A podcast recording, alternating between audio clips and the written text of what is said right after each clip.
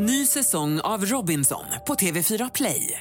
Hetta, storm, hunger. Det har hela tiden varit en kamp.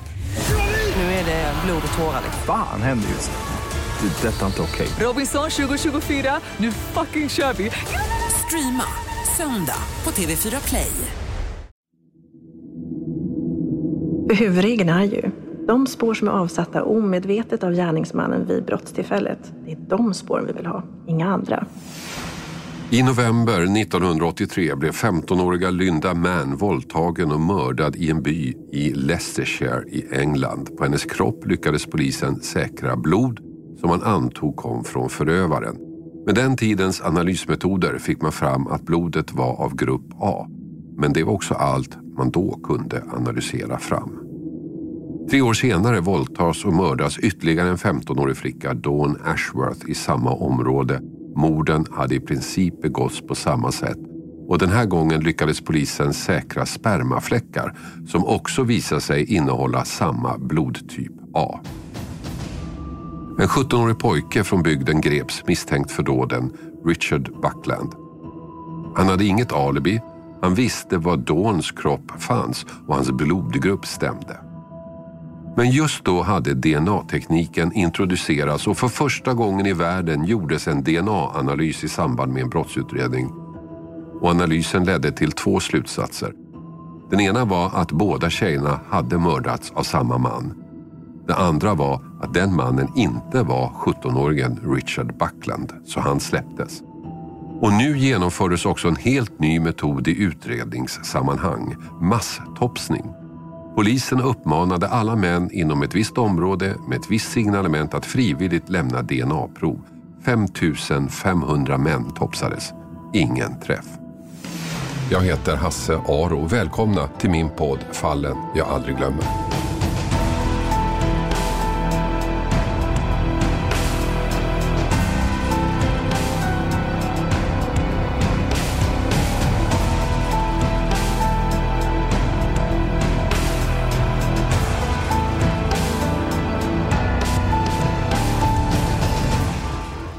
Men genombrottet kom ändå. En kvinna på en pub överhörde hur en man berättade att han låtit testa sig men uppgivit sin kompis namn istället för sitt eget. Som en tjänst åt kompisen. Kvinnan hörde också vad kompisen hette, Colin Pitchfork.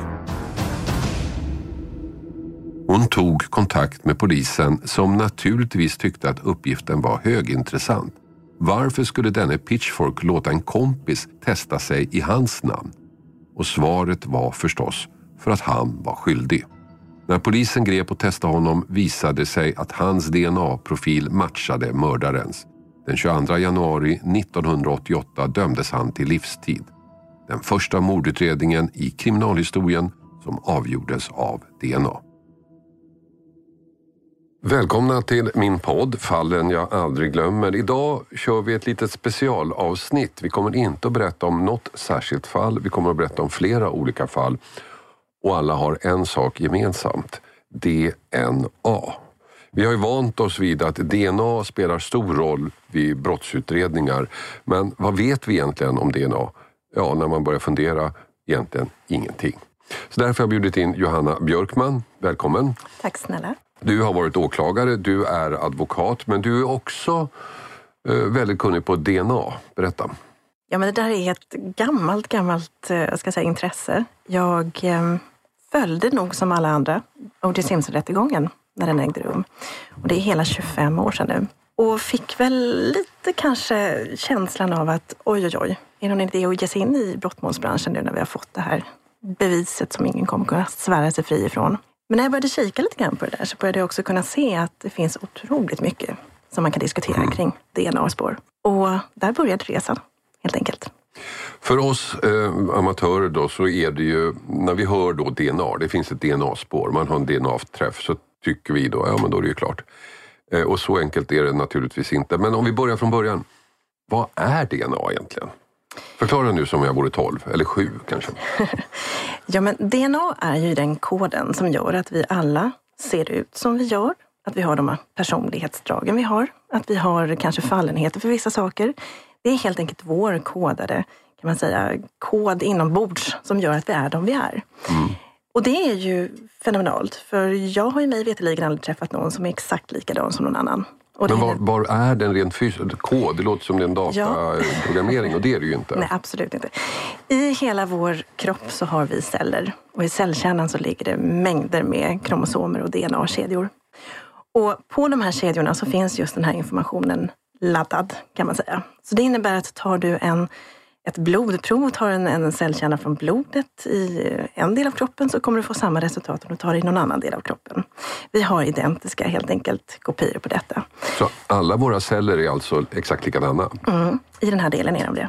Så, mycket, så långt vi vet i alla fall, ska vi säga. Och när vi tittar kriminaltekniskt, ja, då kan vi utgå från att vi kanske påträffar blod, vi kanske påträffar saliv, vi kan påträffa eh, spermier eller helt enkelt eh, sperma på en brottsplats. Eh, vi kan hitta hudpartiklar som innehåller cellkärnor från egentligen samma person och då ska vi få samma DNA-kod. Tror vi i alla fall.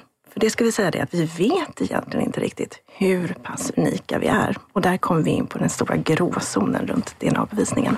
Men man pratar ju om då att, eh, att det finns olika kvalitet på de här DNA-spåren som man får. Om jag då lämnar eh, Eh, en hudcell på ett ställe eller en bloddroppe, är det lika mycket värt? Får man fram lika mycket fakta från båda de här eller är det något mer värt än något annat? Ja, det är alltid mer värt om man hittar det från en cellkärna. Sen finns det även DNA runt omkring cellkärnan och ibland pratar vi om mitokondrie-DNA och vi pratar om andra typer av, av, av lite sämre kvalitet på DNA kan man säga. Då behöver man ha andra metoder. Men den här standardiserade, den vi pratar om dagligdags, när vi pratar register, när vi pratar spårsäkring, då handlar det om en standardmetod som bygger på att man har en cellkärna. Så ju bättre biologiskt material du har som har fått legat orört eller som inte så att säga har planterats eller de bitarna så att säga. Ju bättre du har där, eh, desto bättre bevis har du för att det är en viss person som har avsatt det spåret. Men det finns väl, kan man ju tänka, en övertro på DNA för det handlar ju inte bara om att man hittar det här DNA-spåret utan det handlar väl förstås också om vad är det man har hittat? Jag menar, hittar du spermier i en våldtagen kvinna, då är väl det tyngre kanske än om du hittar något hudavtryck på ett handtag någonstans. Mm. Eh, man kan säga så här att DNA är fantastiskt därför man kan, och det är ju vår övertygelse, att man kan faktiskt pinpointa en person som källa till ett spår. Eh, däremot så måste man alltid ta ett kliv tillbaka och fundera på vad är det för spår och var sitter det? Och där kan jag känna ibland att vi kanske i Sverige är lite dåliga på att, att ha det perspektivet. För precis som du säger, ett DNA-spår som påträffas inuti till exempel en våldtagen kvinna säger någonting helt annat än DNA från saliv på kanske en, en läskburk eller liknande som man hittar på en, på en offentlig plats. Att kunna värdera spåret, det är steg nummer två och det är domstolarna som ska göra det med hjälp av det resultatet som har kommit från NFC. Vi ska prata mer om det, men rent allmänt då, vad har, nu när det har gått ganska lång tid och vi har haft det här, vilken betydelse har det här fått i rättssystemet? Den där frågan har jag ju jobbat med i 25 år kan jag säga. Och det intressanta för, ur ett forskarperspektiv, det är att eh, värdet av DNA, det kan vi se att det i allmänhet har höjts. Eh, till och med så att man nästan funderar på om det finns en förväntan i vissa typer av mål att det ska finnas DNA. Och det är ju en lite annorlunda aspekt än vi är vana vid i traditionell bevisrätt. Därför att leta efter bevis som inte finns för att då kunna klargöra om någon är skyldig eller inte skyldig, det är lite grann en bakväg. Så den här övertron och förväntan på att vi idag alltid ska hitta DNA, den är oroväckande skulle jag säga ur ett rättssäkerhetsperspektiv. Och då knyter jag tillbaka och säger det att många av de frågor som fanns för 25 år sedan som handlade om DNA och DNAs värde och hur vi ska se på det här beviset, de frågorna finns fortfarande kvar. Och eh, det är faktiskt till och med så att vi nu idag börjar se domar som kommer från svenska domstolar där man resonerar på ett sätt som kanske inte är i enlighet med, med det som vi forskare tycker är rättssäkert. Någon har sagt att efter fingeravtrycket så är det här den största upptäckten för brottsutredare, den största eh, hjälpmedlet man har fått. Absolut, det skulle jag också skriva under på. Men man ska särskilja DNA-spår från, från fingeravtryck. För fingeravtryck är och förblir och kanske till och med blir mer unika för varje person, att man kan särskilja det på ett annat sätt. DNA-tekniken bygger på förenklingar, det bygger på statistiska beräkningar och sannolikhetsberäkningar, därför att vi inte kan eh, idag veta exakt hur alla människor ser ut och det skulle vi egentligen behöva veta för att kunna veta hur, hur unik till exempel ett spår är. Så det finns vissa skillnader mellan fingeravtrycket och DNA-spåren.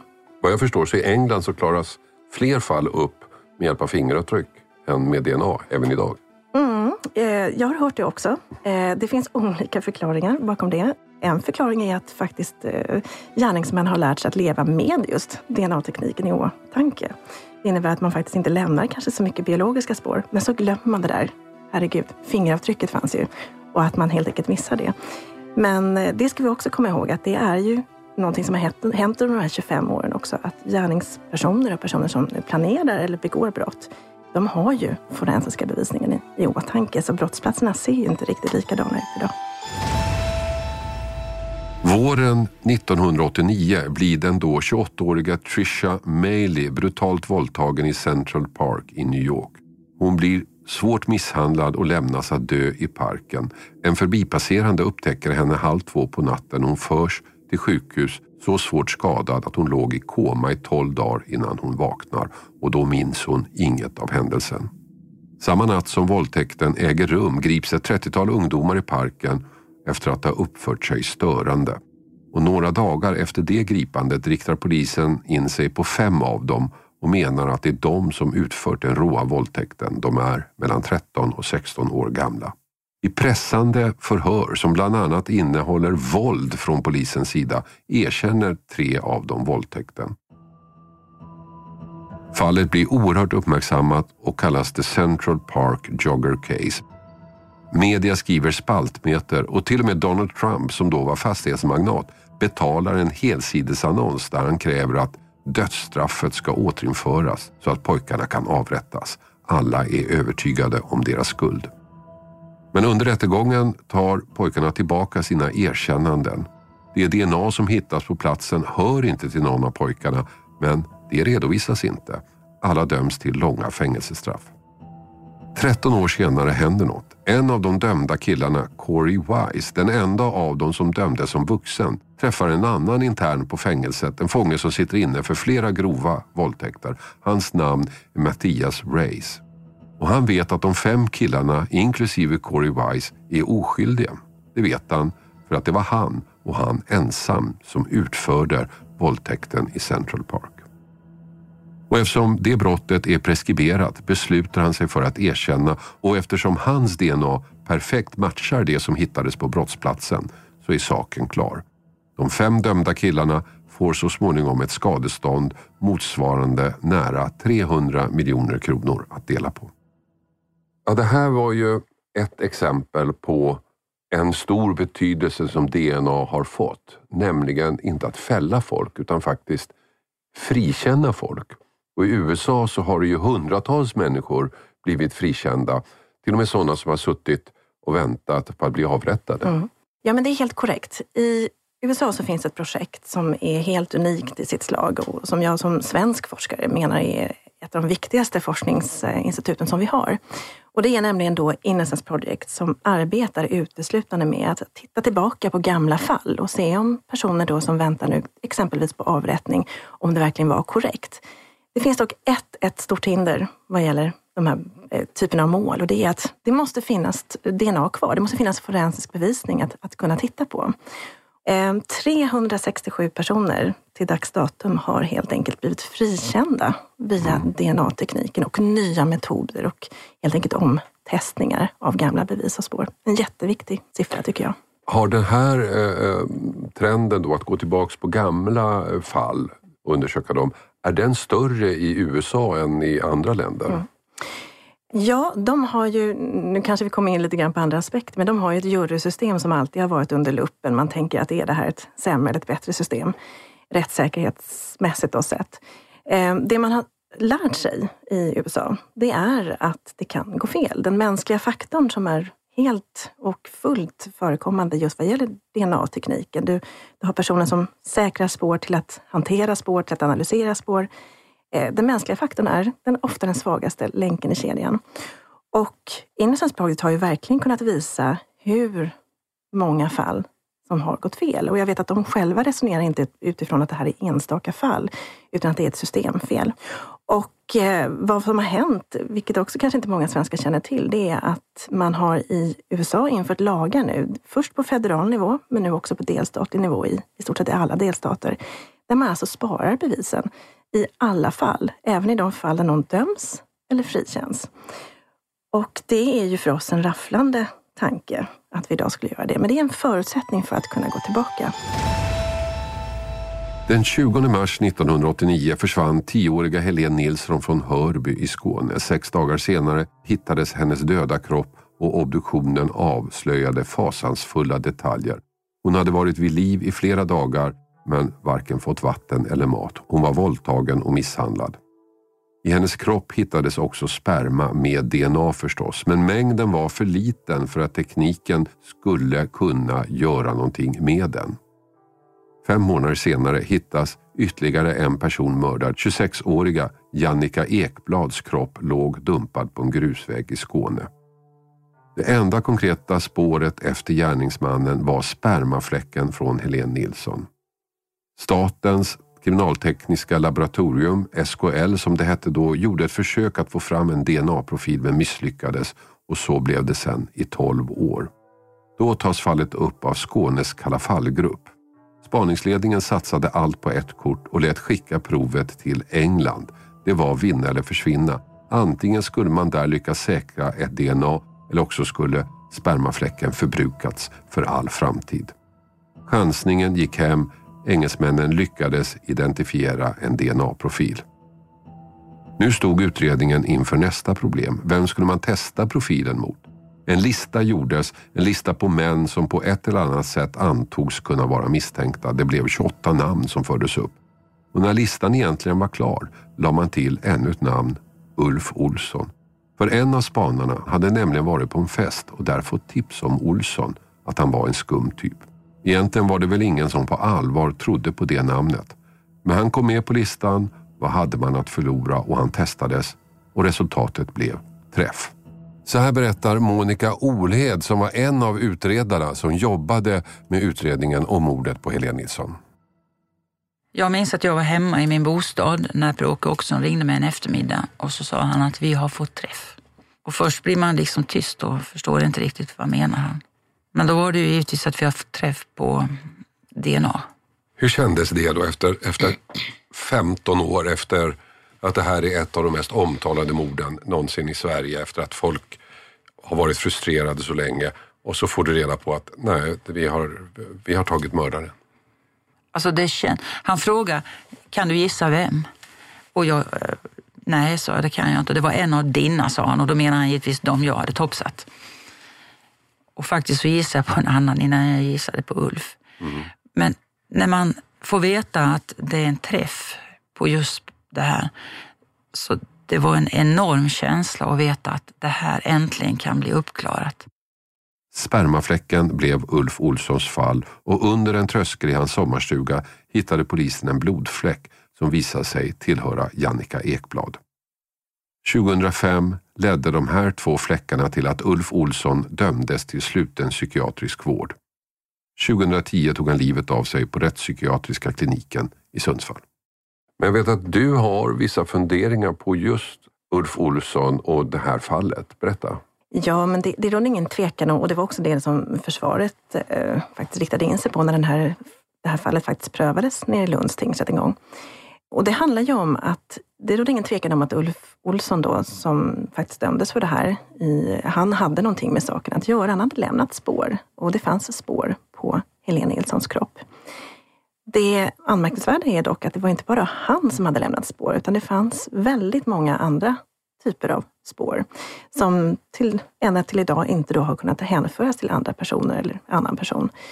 Och det ger ju lite grann en annan bild av eventuellt vad som kan ha skett runt framförallt Helénmordet, men kanske också mordet på Jannica. Ehm, och det vet jag var försvarets lite grann eh, synvinkel på detta, när man prövade detta. Att, att vad är det som gör att just det här hårstrået eller det här spåret ska vara mer värt än alla andra som finns på, på den här kroppen? Och det är väl en aspekt som man också ska ta med sig nu när vi funderar på just hur våra brottsplatser idag ser ut. Ehm, det råder ingen tvekan om att man kan avsätta spår och det ska, har man gjort det omedvetet i samband med en gärning, då är det ofta relevanta spår. Men det finns ju enormt mycket spår och med förfinad teknik idag så kan man ju tänka sig att man skulle hittat ännu mera och ännu fler spår i de här fallen än vad man gjorde då. Och det måste man ta med sig då när man funderar idag på vilket spår som är mest värt. År 1995 blev en åttaårig flicka överfallen, misshandlad och våldtagen när hon var på väg hem från skolan i Bildal utanför Göteborg. Gärningsmannen slet ner henne från cykeln, släpade in henne i en skogsdunge där han förgrep sig på henne. Det här fallet blev unikt i svensk rättshistoria. Inte för grymheten i brottet, det har tyvärr hänt förut, men för att DNA kom att spela så stor roll. För första gången testades inte en utan två olika metoder baserat på just DNA. Men det tog 15 år innan det kunde ske när Kalla fall-gruppen tog upp ärendet igen. När utredningsledaren bestämde sig för att testa ett nytt grepp, nämligen att ta fram ett porträtt baserat på DNA. Anders Eriksson är chef för Kalla fall-gruppen i Göteborg som var de som tog upp Bildal-utredningen igen. Ja, eh, det är ju ett eh, Parabon Snapshot som är ett amerikanskt företag som FBI använder sig av. Deras affärsidé är att man skickar in ett DNA-prov och utifrån det så, så tar de fram en, en bild på hur, hur eh, DNA-bäraren ser ut. Ett foto eller en, en kompositbild eller ja, det låter ju väldigt fantastiskt, nästan lite för bra för att man ska tro på det. Ja, och, och hur man gör exakt rent tekniskt, det, det, vill man ju inte berätta för det, det, det är ju en, det är ju en, eh, en affärshemlighet säger man. Men, men eh, icke desto mindre, vi har ju fri bevisföring och fri bevisprövning så det, det var ett ganska lätt beslut. Mm. Eh, och ekonomiskt så så handlar väl det om, om 30-40 eh, 000 kronor, vilket ju inte heller är något att bråka om. Polisen skickade den DNA-profil man sparat i alla år till det privata företaget i USA som utförde den här typen av porträtt. Och man fick ett porträtt tillbaka. Men då behövdes det inte längre för en lagändring i Sverige blev avgörande. Tidigare hade polisen bara fått jämföra DNA-profiler mot direkt misstänkta personer och bara fått använda direkta jämförelseträffar i sitt register. Det måste vara 100% match. Nu vidgades sökningsmöjligheterna. Polisen fick även söka efter liknande DNA-profiler, alltså profiler som stämde ganska bra med den man hade. I klartext, hitta personer som var släkt med den ännu inte identifierade gärningsmannen. Och Bildal blev det första ärendet. I polisens register fanns en person med en DNA-profil som var mycket lik den polisen sökte efter. Det visade sig att den personen var son till förövaren. Pappan greps och dömdes. Och porträttet då, det som aldrig behövde användas? Jo, det blev faktiskt ganska likt. Helt klart, även om man ska försöka vara objektiv, vilket man ju inte är, men, men så finns det ju vissa karaktäristiska drag som, som är väldigt lika i bilden. Eh, och, och jag ser det inte som uteslutet att om vi nu inte hade fått träff, om man säger så, via den här familjesökningen, då, då, då, finns ju ändå ett utrymme för att om vi hade gått ut med bilden, att vi möjligtvis kunde ha fått tips om, om den som nu är dömd. Mm. Men, men, det är ju en hypotetisk fråga och det är en spekulation. Men, men jag, jag tycker det är, en, det är en bra bild och det, och det är absolut värt att göra det utifrån det. Ja, Bildalfallet är ju ett av två fall som jag känner till i Sverige där man låtit ta fram ett porträtt på en person utifrån DNA. Hur pass säkert är det, tycker du? Idag är det inte särskilt säkert. Ehm, det pågår naturligtvis mycket forskning kring det här, för det är ju naturligtvis en rafflande tanke att man skulle kunna plocka upp ett DNA-spår och sen skulle man kunna få ett foto på gärningsmannen eller gärningskvinnan. Ehm, det som händer idag det är att man skickar iväg och har gjort det i Sverige i flera fall till USA, till ett privat laboratorium. Och de har varit väldigt knapphändiga med att förklara hur de har kommit fram till de här bilderna och de här fantombilderna. Därför att utgångspunkten i, Sverige och i Europa just nu, det är att du kan ta fram naturligtvis ögonfärg, du kan få fram hårfärg, du kan också titta var personen eventuellt kan komma ifrån, vilken del av världen. Så pass mycket information har vi. Men du kan exempelvis inte ur ett DNA-spår idag avgöra ansiktsform och liknande. Eller ens ålder. Eh, nej, precis. Det är ju väldigt viktigt att komma ihåg. Du kan också naturligtvis avgöra kön, ska vi väl säga. Ehm, så vad de här laboratorierna säkerligen gör eh, är ju att man tänker sig hur ser personer ut som kommer från den här delen av världen och så gör man en skiss på hur en ansiktsform skulle kunna se ut. Men det finns ett, stort glapp kvar, men det sker mycket forskning och i Sverige så har man samarbeten inom Europa där man vill komma vidare i den här frågan. För det är naturligtvis väsentligt. Jag eh, såg ju faktiskt bilden på Billdalsmannen och den var, tyckte jag, ganska lik. Alltså som porträtt kanske inte så lik, men om man tänker som en slags fantombild så tycker jag den ändå mm. fanns likheter. Sen skickade vi in på Efterlyst mitt DNA till det här amerikanska företaget och så fick vi en bild på mig. Den var inte alls lik, tyckte, tyckte alla som såg den. Nej, det, det, är ju rätt talande för exakt ja. kanske hur man känner idag. Det, det, är tråkigt om man kanske tror att man har kommit längre, för att vi kommer säkerligen komma dit en dag. Det, det råder ingen tvekan om. Vi har ju kommit så här långt på ganska kort tid. Men just idag så kan jag väl säga att det, det finns ingen koppling. Den 7 juni 2015 försvinner 17-åriga Lisa Holm från Kinnekulle i Västergötland. Försvinnandet blir den sommarens stora medieföljetong. En stor sökinsats dras igång. Men det ska dröja ända till den 12, alltså fem dagar senare, innan hennes kropp hittas. Hon är mördad och kroppen instoppad i ett klädskåp i en arbetsbod nära kaféet där hon jobbade. Samtidigt grips tre personer, ett gift par och makens bror. Alla från Litauen på jobb i Sverige. Brodern och hustrun släpps snart. Istället koncentreras spaningarna på den tredje personen, Nergius Bilevecius.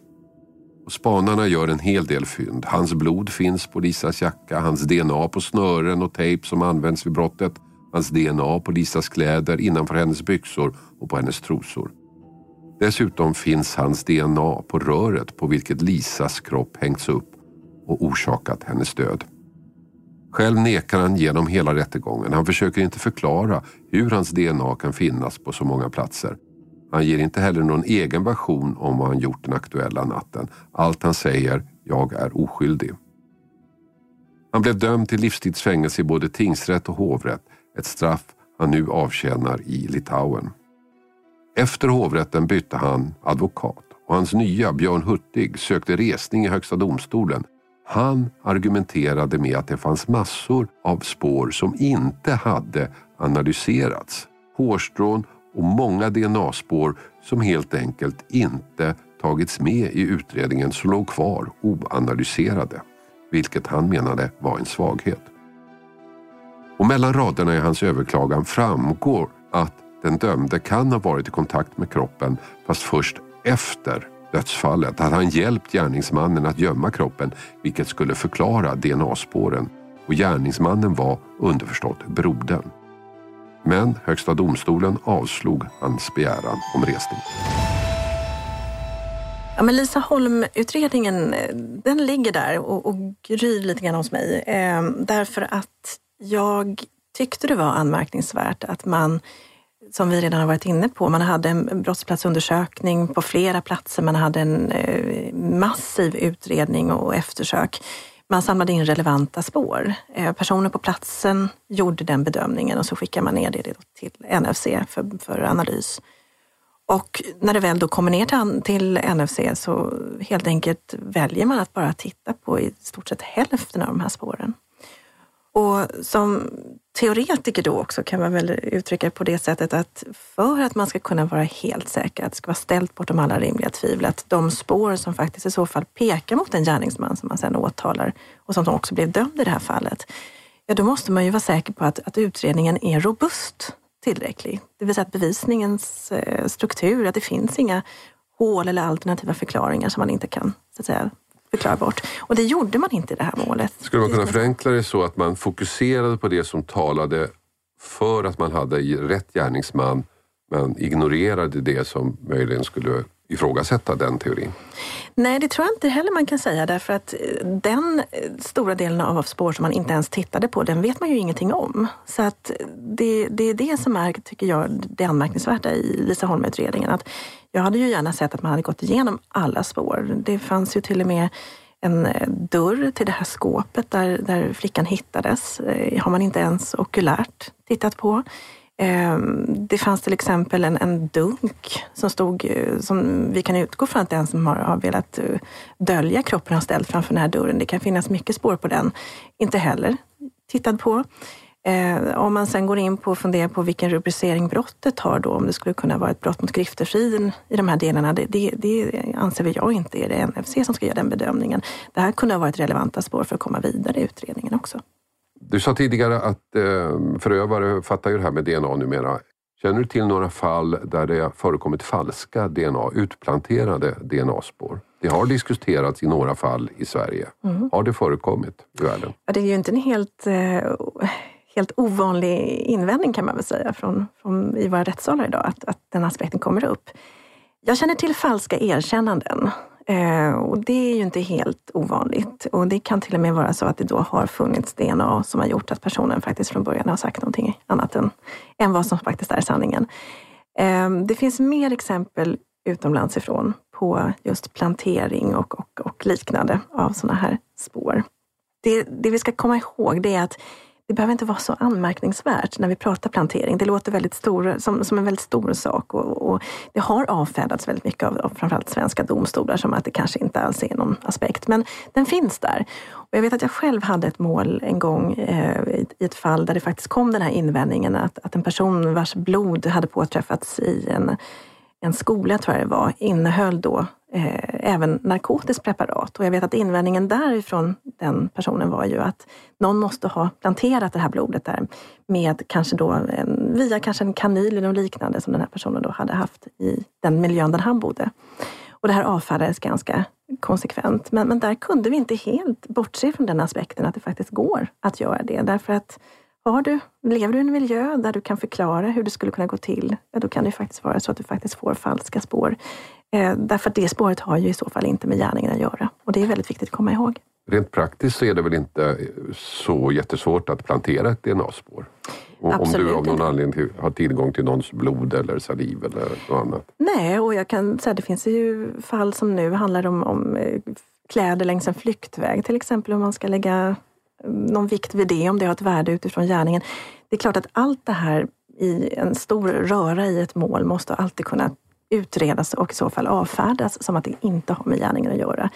För huvudregeln är ju de spår som är avsatta omedvetet av gärningsmannen vid brottstillfället, det är de spåren vi vill ha, inga andra. Men 2020 som vi är nu, då är det klart att den här aspekten finns och det vet också de personer som planerar ett brott idag. Hur ser framtiden ut då, tror du, när det gäller DNA-spår i rättssystemet? Kommer vi att få perfekta porträtt och mm. superklara bevis? Ja, det vågar man ju inte säga nej till. Vi har ju kommit jättelångt på bara de här 25-30 åren som faktiskt här, den här DNA-tekniken har på, på nacken. Eh, så det vågar man ju inte säga nej till. Jag tror att den stora utmaningen för DNA-tekniken kommer vara det faktum att vi idag har så otroligt förfinade metoder. Att vi faktiskt kan gå in på en brottsplats och hitta spår väldigt mycket mer spår än vad vi gjorde tidigare. Och då kommer vi just in på de sakerna vi redan har pratat om. Allt ifrån villospår till falska spår, till för mycket spår, till kanske spår som är helt naturliga på den här platsen fast inte har med brottet att göra. Så att kunna helt enkelt avföra och sållra i det här, det kommer ju vara den stora utmaningen. Det blir mer en fråga om var man hittar här DNA mm än att man har hittat den. Att, att placeringen blir betydligt viktigare i framtiden. Eh, ja, absolut. Det skulle jag verkligen säga. Och det vi också kan se, det är ju att eh, många andra rättssystem utanför för det svenska har ju faktiskt kämpat med DNA-bevisningen framför allt. Hur man ska se på det, vilken styrka det ska ha, vilket värde det ska ha. Och i Sverige har vi då den fria bevisföringen och fria bevisprövningen som har gjort att vi behöver ju aldrig egentligen fundera på vad det är för typ av bevis som introduceras så länge det är relevant, anser en av parterna och det är fortfarande förhållandevis billigt. Så det jag kan tänka mig kommer hända, och det tror jag vi kan se ganska snart, det är att vi kommer få en del fall där man faktiskt kanske inte har hamnat rätt. Och det är just av den aspekten som du är inne på, att man inte riktigt eh, vet eh, hur man ska värdera DNA-spåret, för vi är så vana vid att det finns där och att man tror sig kunna använda det på ett korrekt sätt. Tack. Och tack alla ni som har lyssnat. Det här var det sista avsnittet i den här säsongen av min podd Fallen jag aldrig glömmer. Och om du precis har upptäckt den här podden så kan jag berätta att alla tidigare avsnitt kan du hitta på I Like Radio eller där poddar finns. Ta nu hand om er där ute. Vi hörs!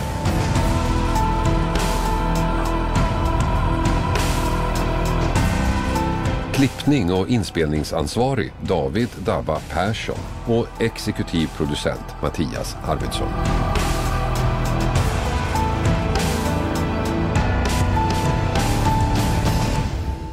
Produceras av I Like Radio. I like radio. Ett poddtips från Podplay. I podden Något Kaiko garanterar östgötarna Brutti och jag, Davva, dig en stor dos skratt. Där följer jag pladask för köttätandet igen. Man är lite som en jävla vampyr. Man har fått lite blodsmak och då måste man ha mer.